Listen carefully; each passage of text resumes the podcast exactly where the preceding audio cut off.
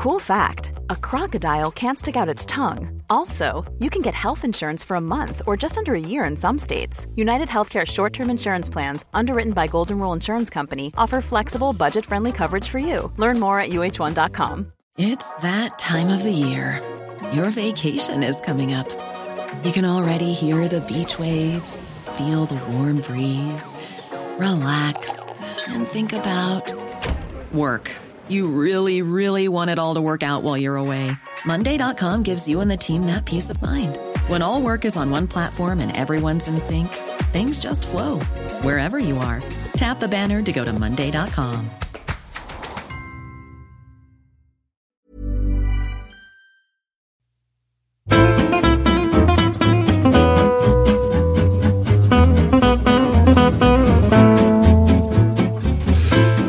säger vi hjärtligt välkomna till den här veckans episod av Handbollspodden Avkast. En vecka som Charlie Sjöstrand propsade på att vi skulle döpa avsnittet till veckan där det i stort sett inte har hänt någonting.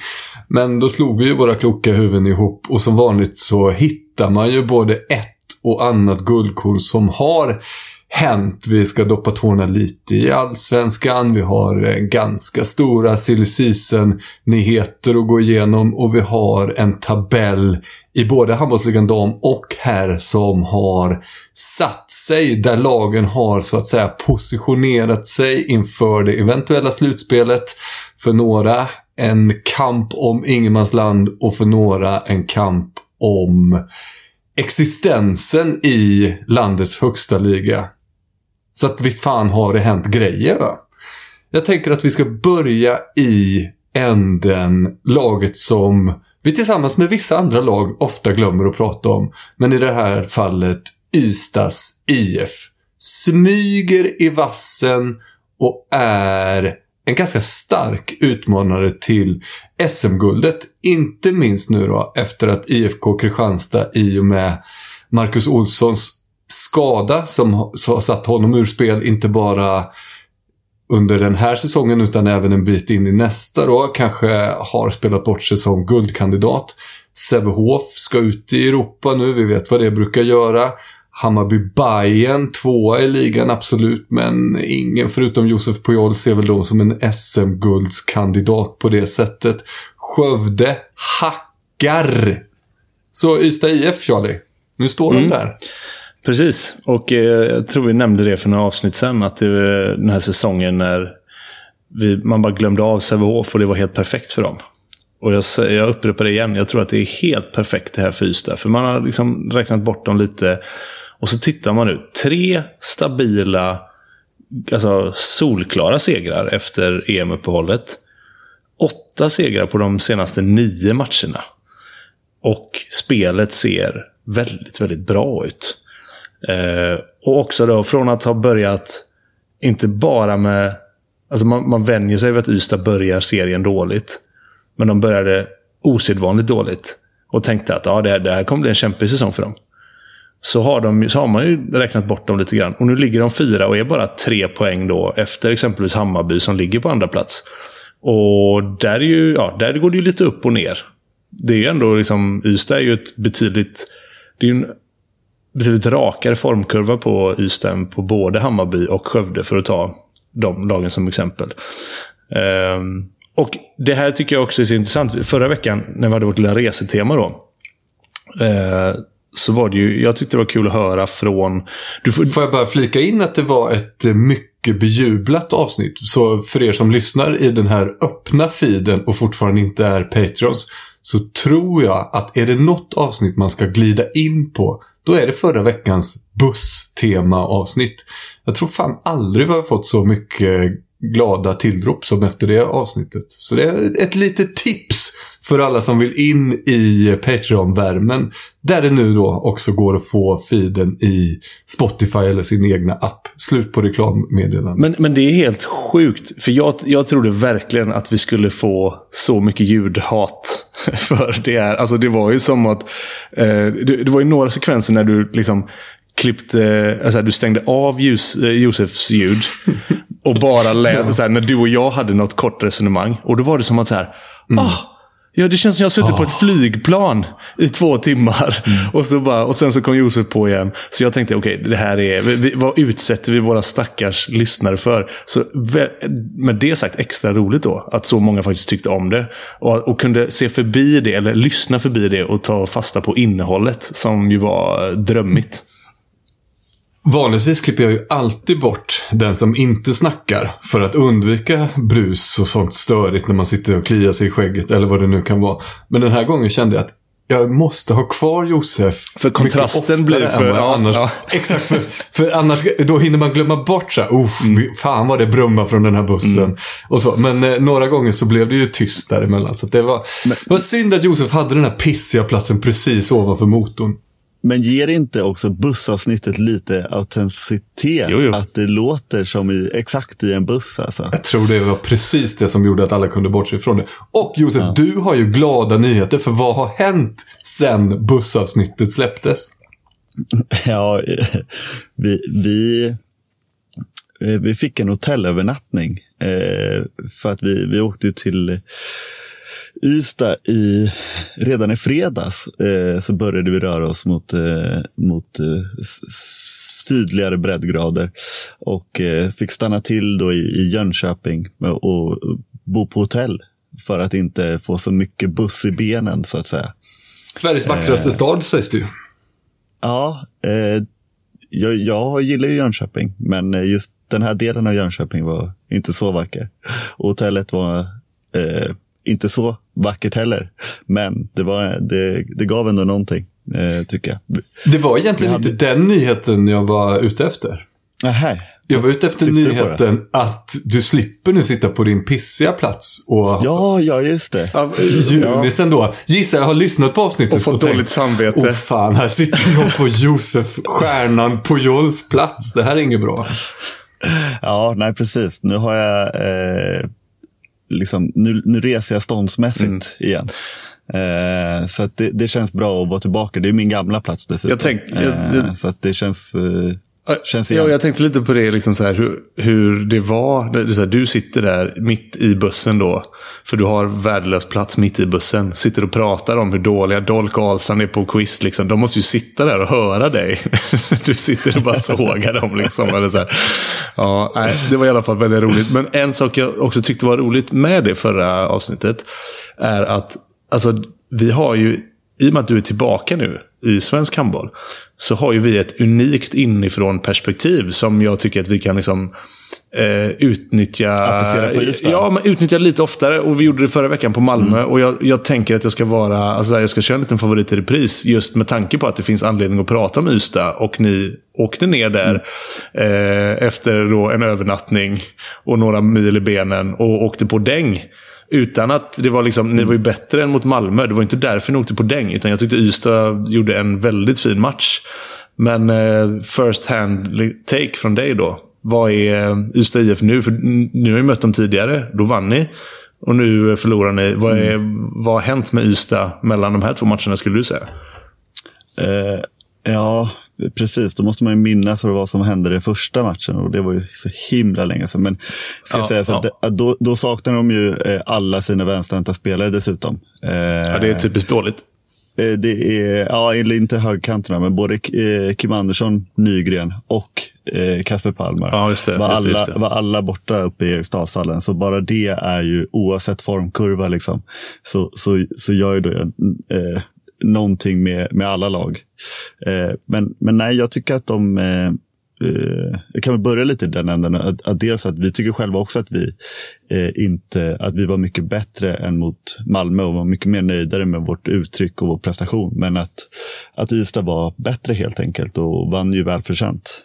Eh, och det som framför allt slog mig, i alla fall den här matchen, var ju deras andra fasspel.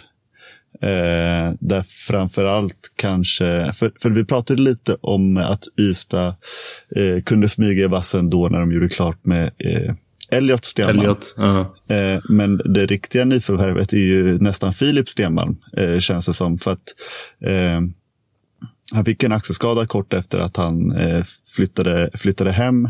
Som ju gjorde honom till den här försvarsgeneralen som, vi, som en, därefter har byggt upp ett väldigt eh, ja, starkt rykte som försvarsspelare framförallt. Men nu eh, kan han ju eh, spela framåt också. Axeln ser, ser väldigt, väldigt hel och fräsch ut. Och eh, framförallt i, i andra fasen är, är han otroligt nyttig nu. Så då kommer med en jäkla tyngd och, och och fart i just den, den andra fasen. Eh, man glömmer så... vilken jävla häst han var. Alltså så här, ja. på den, när, han, när han slog igenom i drott där och uh, sköt sönder ett öga på Lukau och mina gulddrömmar för alltid. Uh, alltså så här, han sköt ju som en häst. Han, var han och mm. Viktor Östlund på vänster nio. Och, alltså så här, vilka jävla vilka monster det var och vad mm. de bombade. Ja, det, det, är lätt att glömma det att han spelade i landslaget och var riktigt ja, bra där också. Alltså det är, mm. Jag menar ja. det. Så det är hög nivå. Alltså, Filip Stelman och Kim Andersson, det är en ruggig andra fas de kommer ja, med. Det. Och, och eh, Kim Andersson var ju verkligen eh, bra i den här matchen också. Eh, och det visade sig framförallt, tycker jag, i deras effektivitet i 6 mot 5. Eh, nu i den här specifika matchen var ju vi vi, vi åkte på ganska många utvisningar, jävligt många skitutvisningar också, vilket jag eh, kommer till. Eh, jag såg din, jag såg din. Jenny, eh. Jenny bara, nej nu åkte Josef ut för kött. Fan vad onödigt. Så bara, nej det, var, nej, det var ju för att han sköt efter signal. ja, men, eh, och eh, det var inte den enda sketutvisningen vi åkte på. Men, men, så vi fick spela en hel del undertal och där, där var de väldigt effektiva. Och jag menar, det finns ju ingen svensk handbollsspelare kanske överhuvudtaget som gör ett 6-5 bättre än, än vad Kim Andersson gör. Eh, så han var, han var verkligen på, på spelhumör.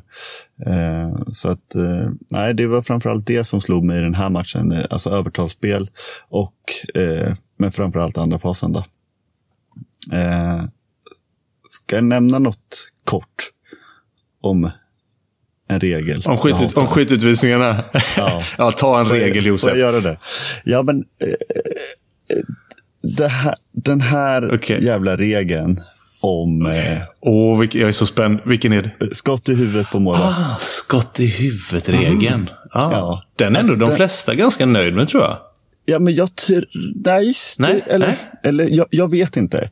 För att jag tycker att Berätta nu vad det är du inte tycker om. Ja, det är, att det, är det att man åker ut när man skjuter målet i huvudet du inte gillar? Ja, men I bedömningssporten handboll så har vi helt plötsligt en regel där, där domarna eh, fråntas en bedömning.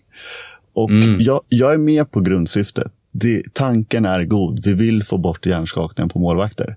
Absolut. Men i den här matchen då, och det, det här är varken mot den här specifika matchen egentligen eller mot domarna eller någonting. Men att vi då åker på två utvisningar för där målvakten blir flippad i pannan. Mm. Löst liksom. Och det är ju inte det man vill få bort. Mm. Eh, och det, det, det, slår liksom skevt. Och domarna är ju uppenbart bakbundna av det här. Det är ju två minuter. De, ska ju, de dömer ju helt rätt, det är inte det. Men att det liksom inte finns någon nyans på den skalan. Liksom, utan det är utvisning varje gång. Mm. Vilket är, är så jävla Du tänker att man skulle lägga till i regeln hårda skott? Ja, typ ja, men, det. Ja, men alltså, typ det. Men du ja. fattar ju också vad svårigheten blir med det, antar jag. Att liksom, när är, var går gränsen för ett hårt skott då? Det vet man bara, eller?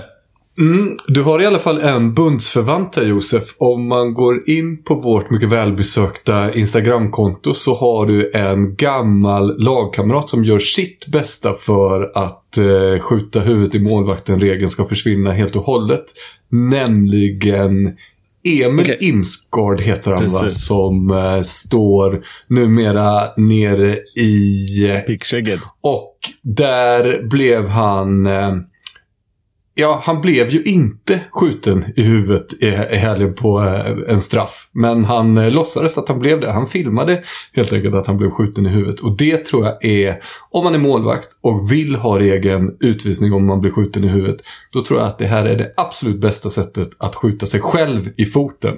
För om målvakter börjar filma i de här situationerna då kommer inte den här regeln kunna vara kvar. Nej, och jag menar, alltså nu, vilket jag, alltså det, det backar ju eh, fullt ut att målvakterna på, påvisar för domarna att de har blivit, alltså eh, liksom kräver en tvåa. Det, det ska de ju självklart göra, det eh, ingår i arbetsbeskrivningen. Eh, men, men det blir ju också ofta, alltså vi minns ju alla den där i slutspel när Fabian Norsten blev träffad i, i ansiktet och domaren inte såg det. Men liksom blåste en utvisning för att han, eh, Fabian Norsten sa åt honom att göra det i princip.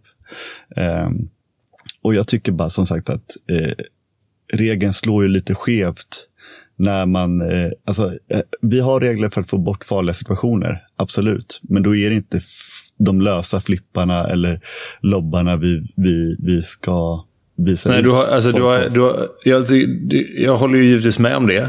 Samtidigt så du förstår ju också vad problemet är. Problemet kommer ju alltid vara gränsdragningen.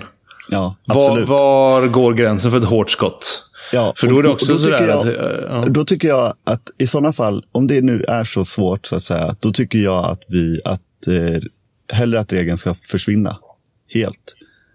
Mhm. Eh, för att jag tror inte, jag tror liksom inte att den får, eh, det är helt klart mindre hjärnskakningar nu än för två år sedan eller vad det nu var när, när, när vi handbollsligan valde att liksom tidigare lägga eh, den här. Mm. Men inte, inte det är mer värt än att det är lite fler utvisningar nu också då? Jag tror dock att det är en slump.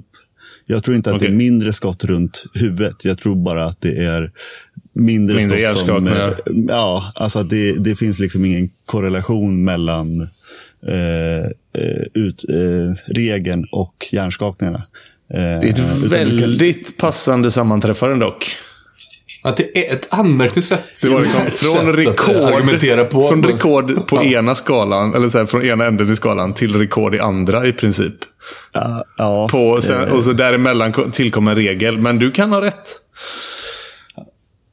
Ja, jag, det, alltså jag är väl medveten om siffrorna. Så att jag, det är en kämpig Hade jag, varit, ståndpunkt jag hade, har. jag varit, hade jag varit jurist och skrivit en avhandling så hade jag ju kallat det här för ett kausalt samband ändå. Och sagt att det är ju solklart att den här regeln, den här lagen Kaus- som vi har gjort har ju... Jag vill dock det- mena att kausaliteten inte är adekvat. Ja, precis. Men du får ju argumentera. Hur då? Vad har du, vad, vad har du i din corner? Ja, Korrelation är inte lika med ka- kausalitet. jag tror att Mm. eh, Objection, ja, Onion. Okej. Eh, nu har du fått säga vad du tycker om den regeln, Josef. Ska, är det någonting mer vi ska säga om Ystad? Jag, jag tycker också att det kan nämnas kanske målvaktsparets eh, fina säsong. Ja, och det hade också varit intressant att se, för att där var det lite darrigare under hösten, eh, likt resten. Alltså, eh, apropå eh, korrelation och sånt där, det är svårt att veta vad som är eh, hönan och ägget här. Om det var på grund av målvakterna eller om det var för att laget var dåligt som också målvakterna var dåliga, så att säga. Eller sämre, ska sägas. Men det hade varit intressant att göra någon typ av procentjämförelse eh, fr från början av, eh, av eh, säsongen och eh, nu. För att de, de har helt klart spelat upp sig. Sen eh, återigen, då, vad, vad det, om det är laget eller målvakterna, det är svårt att, att, att säga om. Vi kanske kan skicka ut det till våra lyssnare. Vi har ju bland annat han eh, handbollsdatakillen Daniel Schnell där nere i Skåne. Han, kan, han eh, känns som en typiskt bra kille på att plocka fram en sån siffra. Så kanske vi kan återkomma till det nästa vecka då. Mm. Om vi ska prata lite mer handbollsliga och resultat som sticker ut där så är det ju ett resultat som är mer utmärkande än något annat. Just den här veckan så har ju de flesta matcher, det verkar ju som att handbollsguden va, som rör runt ibland, har varit på lite semester för rätt mycket har blivit så som förväntat. Bottenlagen har förlorat, topplagen har vunnit. Men det som sticker ut är ju att Hallby åkte ner till Partille och knep en pinne mot Sävehof. Mm. Jag gissar att både du och jag har sett den matchen, Charlie. Vill du börja eller och säga vad som har hänt där? Nej, men det är ju eh, det är som säger, det är, mer rimligt att Hallby spelar 30 lika mot Karlskrona, vilket de gjorde för bara några dagar sedan. Men att de ska åka till Partille och spela 30 lika mot Sävehof. Eh, jag vet inte om de... Det kan vara första gången de tar poäng mot Sävehof överhuvudtaget. Ja, de har gjort det någon gång, men det är väldigt, väldigt, väldigt glest emellan de pinnarna. Nej, men alltså, jag måste credda Hallby som gjorde en jäkligt bra match, först och främst. Eh, för jag tycker inte det, alltså jag kan inte säga att jag tyckte att Sävehof såg överdrivet slarviga och nonchalanta ut sådär. Så att, eh, den sätter jag helt klart på pluskontot för Hallby. Eh, sen, eh, ja, jag, jag har också varit ute och svingat lite mot diverse regler, eller vad man ska säga. Eh, för det var ju en, det var en situation på slutet där. Jag vet inte hur du ser på den, Sjölin, men jag tycker, alltså, ja, jag har så jävla svårt för det där. När, liksom, den totala avsaknaden av känsla från de som... Situ situation, situationen kort då beskrivet är ju att eh, Hallbys högernia, jag tror det är Olle Ek i det här fallet, mm. kommer att studsa fram mot försvarande Felix Möller som slår mot hand slash boll. Mm. Jag håller med Charlie, på tv-bilderna ser det verkligen ut som att han slår bara på boll. Domaren uppfattar situationen som att han slår både på hand och boll. Eh, blåser då frikast för Halby. En, eh, ja, men jag, jag, jag håller med. Frå, från min horisont så här borde det kanske inte varit det. Men det är så jävla svårt det, att se. Det är det. Och det är egentligen inte där problemet är för mig. För att jag, alltså, jag har också varit med om sådana. Jag har varit på båda ändar av det här. Jag tycker ofta att man liksom. Så många gånger jag har tagit bollen klockrent i en studs och fått ett frikast mot mig. Eh, men okej, okay, låt säga då att han står bättre till. Och ja, han, han kanske slår och lek på handen då och tar bollen. Men det är, det är matchminut 58-50 någonting. Och det är lika på tavlan. Han, Felix Möller tror att han har snott bollen i studsen på lek. Tycker att han har gjort det. Och erövrat den och vill sätta igång en kontring. Får ett frikast emot sig. Och hans reaktion är men nej, jag tar ju bara bollen! Och han liksom sätter händerna bakom sitt huvud så här för att visa att, liksom, eller liksom, ja, av ren spontanitet gör man det. Så bara, nej! Och då får han två minuter för den reaktionen. Är det en orimlig reaktion när det står 29 lika eller 30 lika eller vad det nu är på tavlan. När du har spelat 59 minuter i en eh, ligamatch. Eh, jag tycker inte det är en orimlig reaktion. Jag tycker det är en orimlig reaktion att visa ut någon för det. Och eh, mm. det tyckte ju Sävehofs bänk också då. Som reagerade på den reaktionen. Och vad hände då? Jo, delegaten nu får ni lugna ner er här pojkar. Det blir ett gult kort. Man får inte reagera på sådana här sjuka reaktioner. Nej, det var bara... Det är liksom... Ja, trevlig lördag på er, kände jag. Skål! Ja, men, och det är ju också, ska säga, så att det är ju nytt direktiv till domarna. Att eh, de ska vara mycket hårdare på eh, gestikuler, eh, gestik, eh, gestikulerande. Ja, gester. Okay, gester. Ja. Mm, alltså fysiska gester eh, eller kroppsliga, ja det är ju samma sak. Eh, gester ja, eh, mot, eh, mot domarna. Eh, eller ja, och det är ju det den liksom det är ju det han åker på helt enkelt. Mm. Och, och, jag vet jag också i en sån här i en match i Svenska Kuppen fick jag liksom, blev tillsagd att nu är jag väldigt nära en två minuter här eh, på grund mm. av mitt gestikulerande. Och då, men då, jag, jag vet inte om det är eh, det, det spanska i mig, så att säga. För jag hade, alltså det var en eh, eh, exakt, jag, jag hade bara pratat med domarna på ett vanligt sätt, alltså inte ens gnällt. Det, det var en ganska, vi vann ganska komfortabelt eh, mm. i matchen. Det var inget hetsigt eller någonting.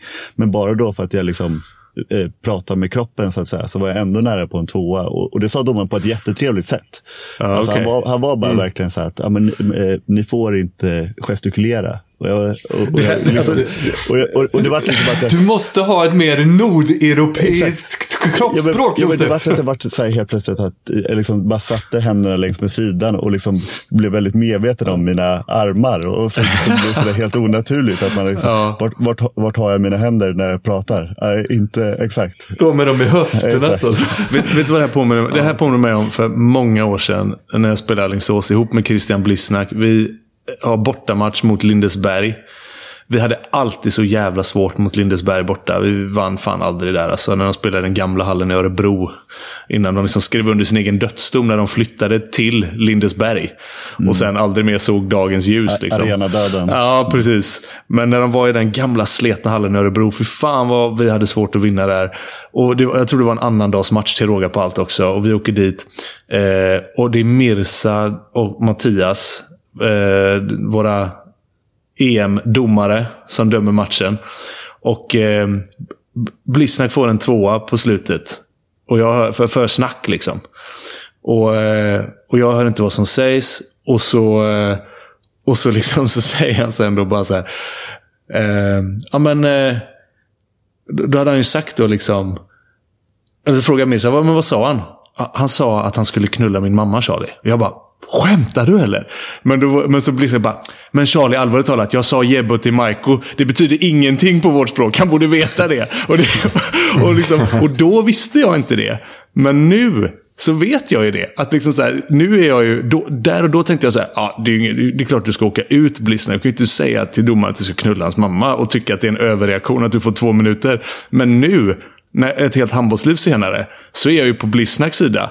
Mirza, du, borde, du, bara, du, du, vet ju att Jebben till Michael betyder ju ingenting. Det betyder ju, ah, jävlar också. Det, liksom, det betyder ingenting. Mm. Det om det då i alla fall. Om vi nu eh, har slagit fast att eh, Ystad är med och slåss om SM-guldet som det ser ut nu så, eh, och Halby tog sin poäng där så kan vi ju bara försöka reda ut. För det finns ju en rolig sån streckstrid där mellan just nämnda då Halby och Karlskrona som de spelade oavgjort med i veckan.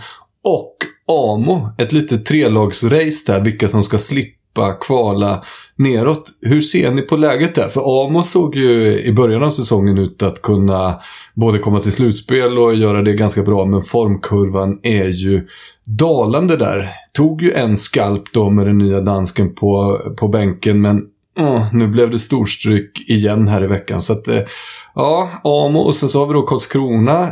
Lite stabilare men skadedrabbat och så. Och sen så har vi då det här sorgebarnet Halby som har spelat halva säsongen utan sin givna första målvakt och inte riktigt får något flyg under de där vingarna. Vilka tror ni slipper kvala? Ja, men jag måste ändå säga, alltså, om man, även om man tänker bort att det blev en poäng i Partille här då. De hade, gott kunnat, de hade kunnat förlora med 30-29. Jag tycker ändå att Halby ser bäst ut av de här lagen. Eh, det oroväckande för mig med Amo, det är att de har tappat det här, fan vad jobbigt det är att komma till Alstermo och spela. Var och varannat lag åker dit och vinner. Det, alltså, det är inte så jävla jobbigt att komma dit längre. Och Det tycker jag är en stor, alltså det har de verkligen tappat. Eh, och det jag ändå tycker med Hallby då är ju att, precis som du säger, det är en jättenackdel att Holmén inte är med. Men om man vänder det till en fördel. Jag såg en, alltså när de nästan ja, de, var, de gjorde en bra halvlek mot Skövde, spelade bra mot Skövde. Då var deras målvakt svinbra i en halvlek. Då är ju Hallby livsfarliga. Alltså det, är så här, det räcker att deras målvakt kommer upp i en okej okay nivå en enda match. Så är Hallby ett bättre lag än de övriga två, tycker jag. Jag tycker de spelar bättre. Jag tycker de har fått ihop försvaret. Mårtensson, Olle Ek har verkligen blivit en, en injektion sedan han kom in.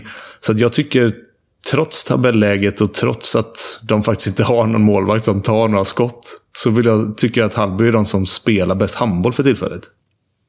Eh, ja, och jag tycker att Amo är väldigt svåra att utvärdera just nu. För att eh, som du säger så de känns så jäkla ojämna just nu. Även om det, det är ju ingen skam att de förlorar hemma mot Sävehof.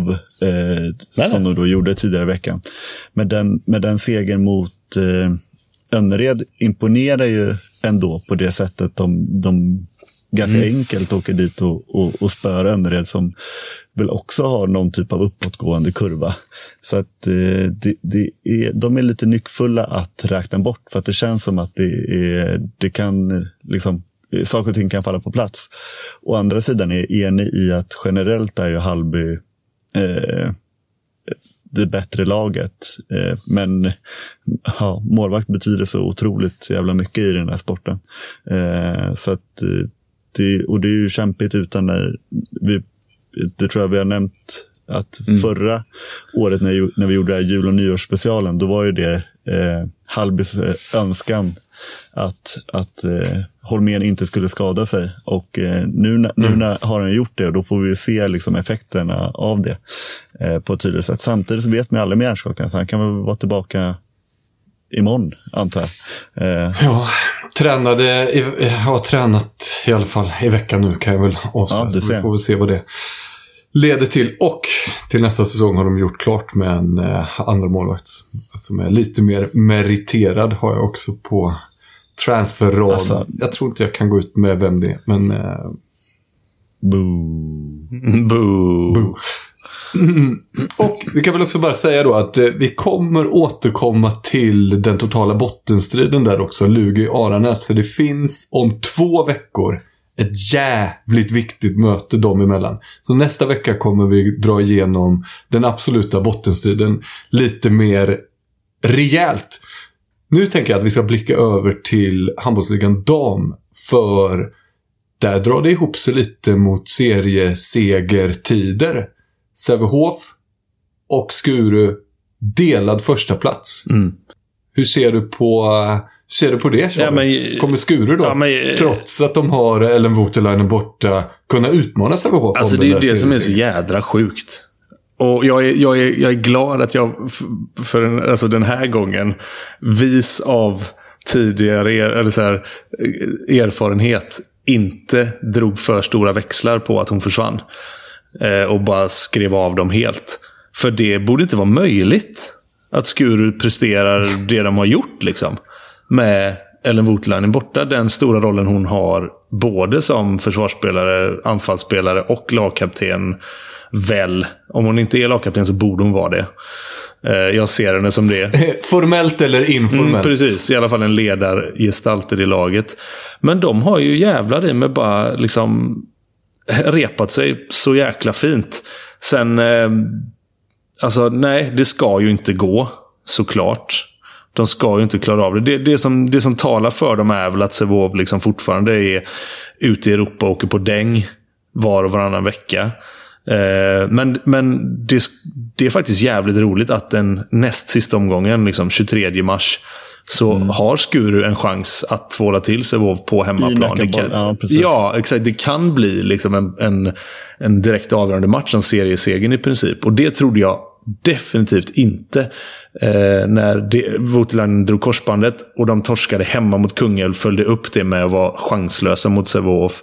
Då tänkte man ju inte att men de, de kommer nog hänga i och vara med om slaget hela vägen in. Men eh, nej, det var liksom inget snack. De var klart bättre än H65 Hör, som visserligen då saknade Emma Jönsson, som jag nog måste säga, alltså hon är där kan vi snacka spelare som går under radarn, som är underskattade, som inte lyfter tillräckligt mycket. Emma Jönsson i H65 Hör, hon är liksom vad Emma Lindqvist var när hon kom upp i H65 Hör. Den här slitvargen som är svinbra på sin tvåa bakåt. Högerhänt högernia, gör det skitbra. En pådrivare, gör sitt jobb utan att klaga. Tar smällar, ger smällar. Att hon inte var med var en jättestor... Eh, det var ett jättestort minus för Hör. Men jag tycker ändå inte att man kan säga liksom, att det var därför bara. Så Skuru var välförtjänt att vinna där. Så att, nej, det är klart att Sävehof ska, de ska reda ut det här. Men hatten av för hur Skuru har löst det alltså. Skure, Skure har ju också ett, uh, har, har jag tänkt på, Skure har ett otroligt lag. Bara inte ännu höll jag på att säga. Alltså, ja, och det ja, menar jag ja. att om de får behålla det laget de har nu, säger vi, i fyra år mm. eh, till. Då tror jag att de ganska, eller ja, enkelt och enkelt, men då är de en given guldkandidat. Mm. Eh, men sen så, ja, kommer det säkert inte bli så. Alltså behålla samma eh, lag i fyra år är, händer ju i princip aldrig. Men Nej. att de redan nu är och, och, och utmanar med det här unga laget är ju otroligt imponerande. Ja, sen, sen, ska man säga en sak till också när man pratar om Eh, det, det som, I, i handbollsligan dam så är det ju fem omgångar kvar i princip. I handbollsligan här så är det ju lite fler och det haltar som fasen. Vissa har spelat 20, vissa 18. Det är lite svårt att sätta det. Det är lite lättare att få en överblick över vad som återstår i handbollsligan dam. Och då ska man inte bortse från vad de här faktiskt har kvar att möta. Önnered. Eh, ja, men Skuru har liksom, de har Önnered då, de har Skara, det är fyran och femman. Eh, de har Sävehof kvar, tror jag nämnde. De har Hallby. Eh, alltså de har ett jädra schema kvar. Sen har de ju gjort det bra. Alltså slog, alltså en av dem som jag tänkte det, de kommer få tufft mot, eh, det är ju H6 hör. Och så, ja, så de har klarat av den. De duckade den kulan. Liksom. Men som sagt, det är Önnered borta, Skuru hemma. Skövde som visserligen har gjort en dålig säsong, mycket sämre än vad jag trodde. Men Skövde borta är aldrig en lätt match.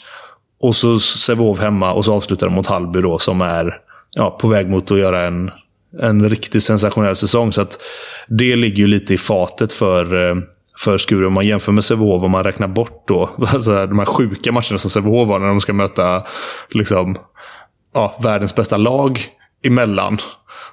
emellan de spelar handbollsligan så är det, ser det lite mer överkomligt ut för Sävehof. Det är liksom Västerås och Kristianstad. Eh, visserligen Önnered också, så att det, det kan hända mycket. Eh, hoppas att det lever hela vägen in till näst sista omgången. Ska vi bara säga det när vi pratar Skuru nu. Vi lyfter ju ibland Alexandra Bjärrenholt. Hon är ju den perfekta spelaren i den här serien för att hon är seriens bästa spelare. Men hon är precis så att hon inte är med i landslaget och precis så att hon kanske inte riktigt är lika aktuell för proffs proffsklubbar som liksom andra spelartyper eller så. Men nu leder hon skytteligan med 10 mål. Ja. Mycket imponerande. Men då ska man också veta att hon leder också assistligan. Och det då på 33 assist fler än tvåan. Ja, och det, alltså det, blir, det blir bara ännu mer imponerande för att vid det här laget så vet man att ja, ja, det handlar bara om att ta bort Bjärrenholt. och så liksom ändå bara, nej, jag, fan, jag leder båda de ligorna som du säger. Det är eh, att hon, liksom, den maskinen hon är.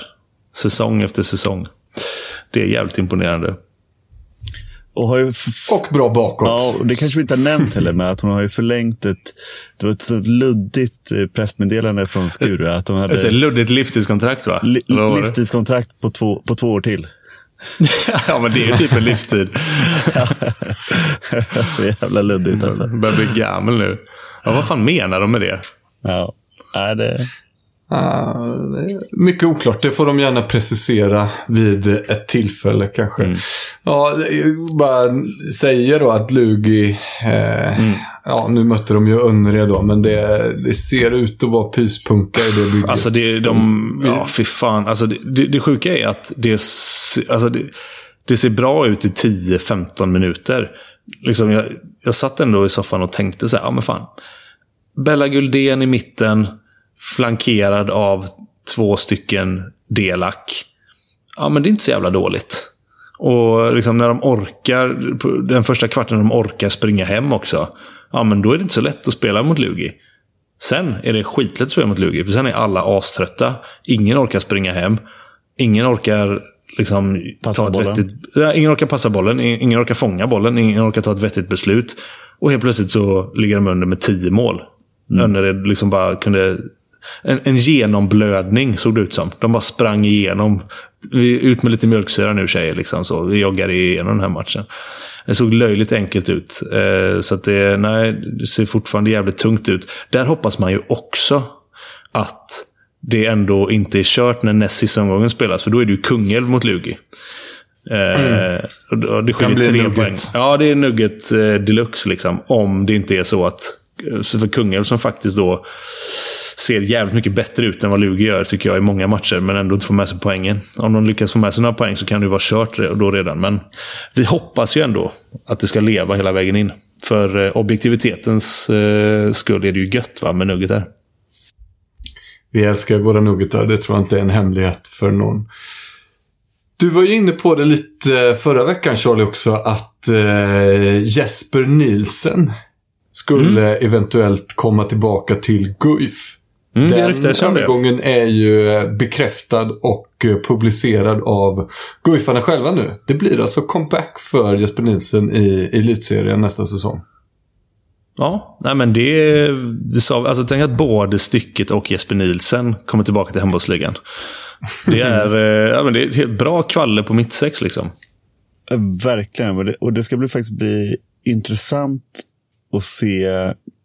Nu kanske det blir lite väl eh, mycket domargnäll för ett avsnitt. Eller det, det är väl inte heller egentligen ett domargnäll utan ett eh, eh, regelverksgnäll. Som, för, för, i alla fall när jag kom upp i eh, elitserien som det hette då. Då var det ju helt otroligt svårt att vara mittsexa. Alltså man fick typ mm. inte spärra. Eh, det har blivit mycket, mycket bättre sedan dess. Men, men eh, jag tycker ändå att det är ganska mycket eh, felaktiga spärrar på eh, tveksamma bedömningar. Och Andreas Nilsson som då eh, och Jesper Nilsson för den sakens skull, som jag spelar på den nivån som de har gjort, där, där spärrspelet ser helt annorlunda ut. Alltså det kommer faktiskt kräva lite anpassning från deras sida eh, för att inte få eh, för mycket eh, blåsningar emot sig. Framförallt kanske från Andreas Nilssons sida med den här låga, tyng, eh, låga tyngdpunkten och ganska bred fotställning. Liksom. Det, ska bli, det ska faktiskt bli intressant. Det som, det som eh, jag dock eh, tänker gör att han kommer klara det är ju att han spelade ju... Ja, ja, men också att han spelade ju i den här ligan när det mm. var de sjuka direktiven som du sa. Ja, ja att, att det var så här. I, i, I Sverige så får du inte stå bredare än axelbrett när du ska slå en spärr. Så här, det finns ingen Precis. som kan spärra om du har fötterna axelbrett. Men spelar du i Europacupen eller i landslaget, då, liksom, då får du stå hur brett... Som en sumobrottare får du stå då. Liksom. Ja. Eh, bara det är ju sjukt, som du säger. Det, det, det, det, kan vi ta en annan gång i det här stora regel och domaravsnittet vi också måste ha någon gång. Eh, men, men och då kommer jag ihåg att då var det ändå så här, ja men fan, han åkte på någon felaktig spärr då och då. Men mm. lite som att eh, en kantspelare blir blå, avblåst för att han är nere. Han blir inte, han blir inte avblåst för det mer än en gång. gång. Nej, Nej, men precis. Alltså, Andreas Nilsson kanske blir avblåst för det två gånger per match. Men däremellan gör han tio mål och får två straffar.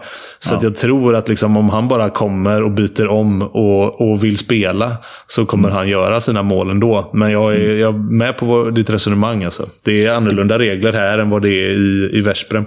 Ja, ja verkligen. Och eh, det blir också lite eh, intressant med Guif. Eh, alltså generellt som jag har förlängt med eh, Soran.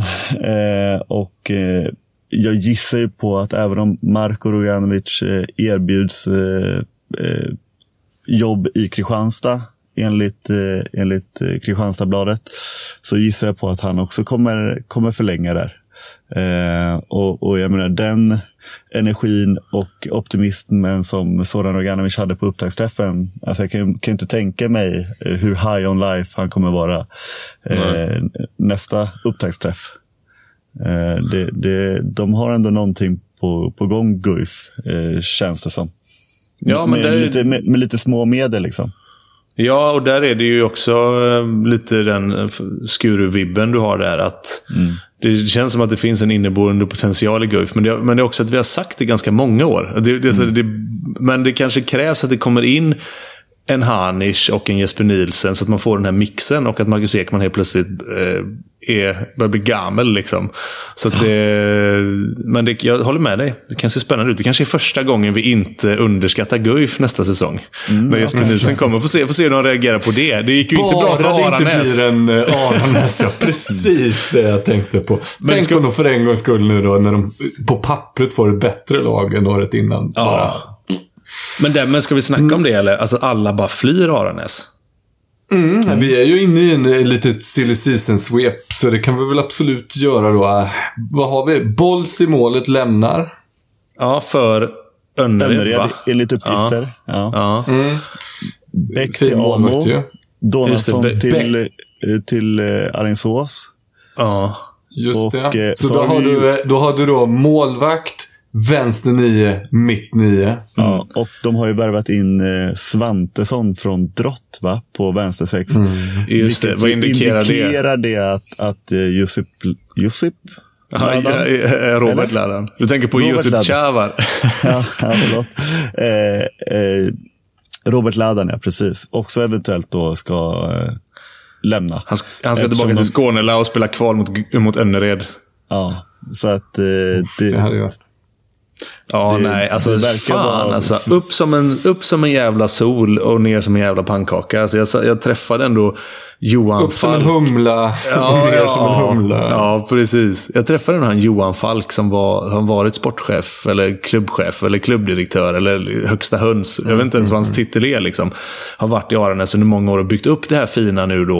Och liksom varit, varit först med.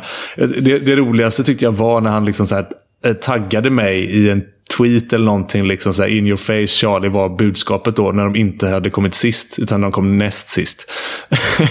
det var roligt. Men jag träffade honom på... Fuck you Charlie! Ja, typ så. Fan vad du dålig Vi kom på bara tvåa för Ja. slutet. Woo, fuck you in your face. Ja, det, det får man ta. L- Långnäsa ja. Ja, precis. Nej, men jag träffade honom på Gotia Towers när det var hemmamästerskapet här förra året. Och då, det var ju liksom, då var ju de mitt uppe i sin sån här, det, här, det kommer bli slutspel den här säsongen, allting ser så jävla bra ut. Och han bara, ja, och jag har värvat, nästa år så kommer det liksom en dansk målvakt. Han liksom, ja, han bara så här, det, det är bra. Och jag kliver av nu, sa han. Jag, liksom, jag kan inte göra det här större nu. Jag kliver av nu. Jag har fixat det här. Och så har jag fixat... så- så- Jag ser till att gubbarna kommer... De som kommer in efter mig, de kommer bara ha och förvalta här. Liksom.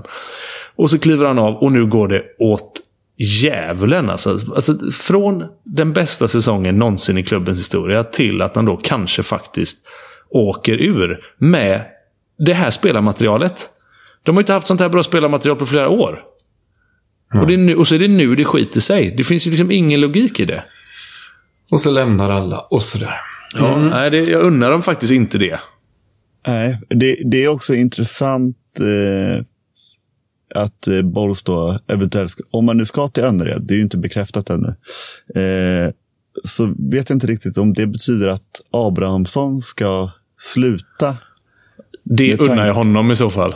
Ja, men, alltså, att, han slipper Ja, stå i jag- ja, men, och jag nästan hoppas det, för att annars, de har ju eh, Arvid Skog heter han va, som är en, eh, en stor talang. Och det hade ju varit, även om Önnered eh, har många stora talanger och, och värvar ju ändå in väldigt många spelare så att säga, så hade det varit intressant, eh, eller det hade också varit ett, eh, en signal att skicka om de nu värvar in Bolls då som andra målvakt istället för den här unga, eh, stora, lovande talangen som ju, jag tror var väl med på någon sån här landslagsläger som eh, extra spelare typ. Liksom. Ja, men man vet faktiskt. Man, om det är en sak man vet så är det att man inte vet hur Önnered tänker med sina Precis. värvningar. Så det, det får vi se. Vi ska också hinna med ett kort internationellt svep nu den här veckan. För Bundesliga va?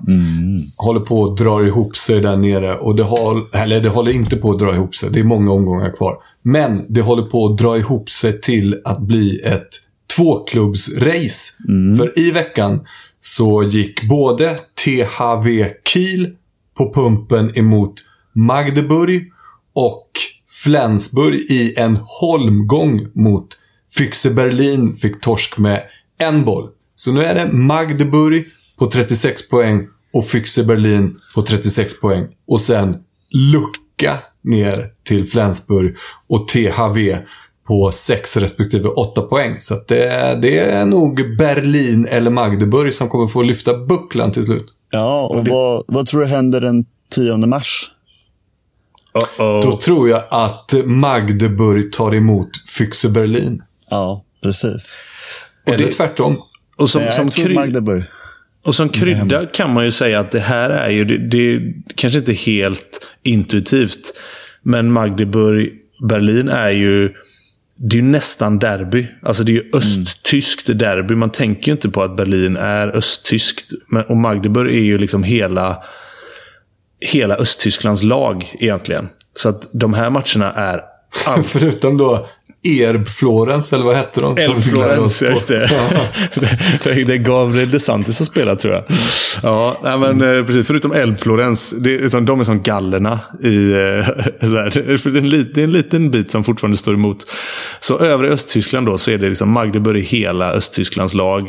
Eh, Så att ma- bild, eller matcherna mellan Magdeburg och Berlin är alltid jävligt laddade och speciella. Och att det dessutom är de två nu då som, som det ser ut, gör upp om titeln. Man ska komma ihåg att det är 14 omgångar kvar i den här jävla ligan. Jo, jo, men, det- men, det men, men det är inte mycket som talar för att de kommer tappa mycket. De har tappat fyra poäng var på de första 20 omgångarna. För, för, för man glömmer också, eller man ska också komma ihåg då hur jävla stabila de här tyska Ja, topplagen ja. är. Alltså de, de förlorar inte många poäng per år, de, den som vinner till slut. Nej, precis. Nej, och nu har jag ju precis nämnt då att Magdeburg har mött Kiel och Ja, ja. att eh, eh, eh, Flensburg då mötte Füchse Berlin. Så nu är det inte så jättemånga svåra Nej, matcher kvar och för de, dem. eh. Jag tror att de lajar ju med, med Melsungen i, idag va? Eh, så att eh, Mm. e- efter uppehållet, eh, EM-uppehållet så har de ju startat riktigt, riktigt starkt. Så att de är uppenbarligen i, i form, gubbarna. Och där, där är det väl inget snack om vilka man håller på heller. Magdeburg är ju av hävd en avkastfavorit. Ett av mina absoluta favoritlag. Och dessutom har vi fyra svenskar där nu. Och hur mycket jag än gillar Max Dai så har ju Berlin den oskönaste av alla, Mattias Gidsel, i sitt lag. Så att vi alla håller ju på Magdeburg här nu såklart. Och att vi gillar Magdeburgs tränare, va? Den enda snygga tysken i världshistorien. Mm, Bennett Wigert. Ja, det är, det är nog fan den enda snygga tysken. Och, eh, Ja, det ska bli väldigt, väldigt kul att se den matchen. Kan det vara så att den krockar då med Svenska Cup-finalen, eh, tror jag? Det gör den eh, onekligen. Ja, man, man kanske vill smyga upp mobilen lite där uppe på läktaren. Eh, så är det med det. Kort notis också bara från Allsvenskan.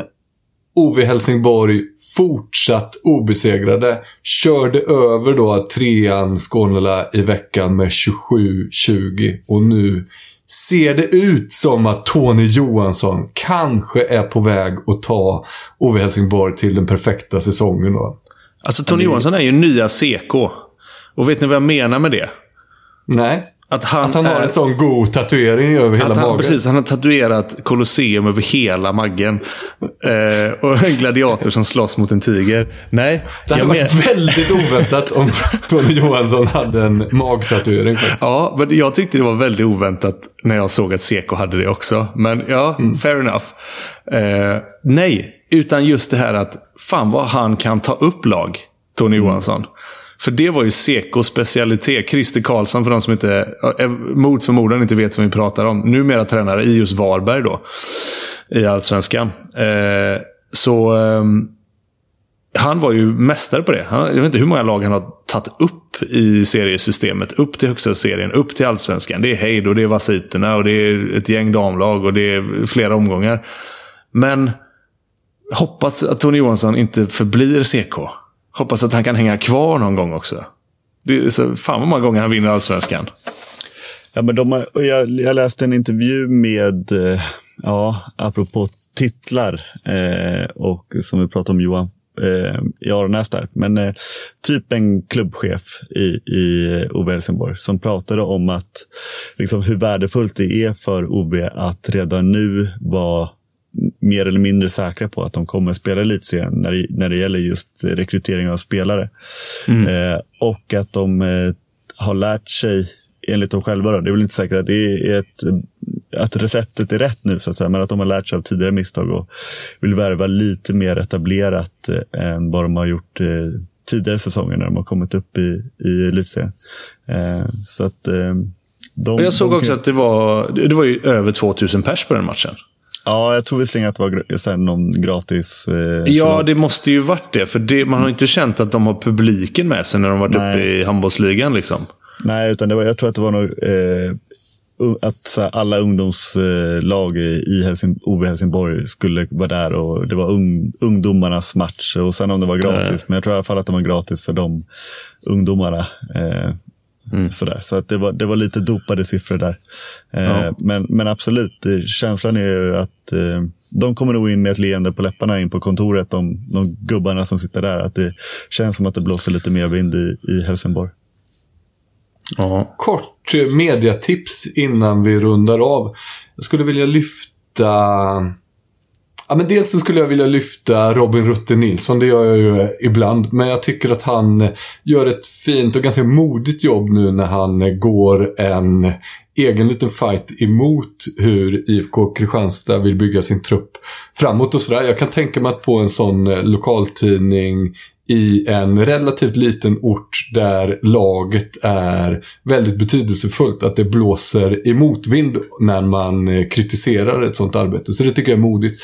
Sen vill jag också passa på att lyfta Kristoffer Ekmark. Ni vet eh, Skånesportkillen som startade ett stort eh, tidningshandbollsmagasin och gjorde sig känd för att eh, krångla in sig i metaforer och liknelser som gjorde att åtminstone jag inte kunde läsa hans texter. Jag tyckte det var eh, ja, men, sådär om jag ska vara helt ärlig. Men eh, hans eh, nya sätt att skriva, jättebra. Ja. Skånesports Enig. eh, handbollsblogg är, ja men den är bra som fan. Enig. Enig. Och den är, den är frekvent. Och det är fan viktigare än något annat. Den behöver inte alltid, det behöver inte alltid vara så långt. Det kan bara vara liksom... Eh, jag har hört detta idag. Ha det gött. Godnatt. Hälsningar Glenn Hysén. Det räcker liksom. Jag håller med dig. Bra gnuggat av Ekmark. Kul med sån eh, utvecklingskurva tycker jag. Det var la det då va? Då rundar vi av för idag och vi gör det med något så oväntat som eh, Genesarets sjö av Kjell Höglund.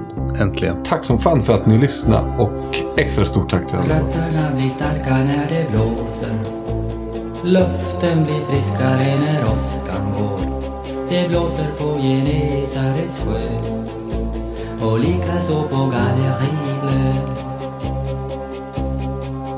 Dina kyssar smakar smultron och mjölk Drömmen ska brinna om ett annat liv Låt ditt hjärta slå ett extra Even when we're on a budget, we still deserve nice things. Quince is a place to scoop up stunning high-end goods for 50 to 80% less than similar brands. They have buttery soft cashmere sweaters starting at $50, luxurious Italian leather bags, and so much more. Plus, Quince only works with factories that use safe, ethical, and responsible manufacturing. Get the high-end goods you'll love without the high price tag with Quince. Go to quince.com slash style for free shipping and 365-day returns.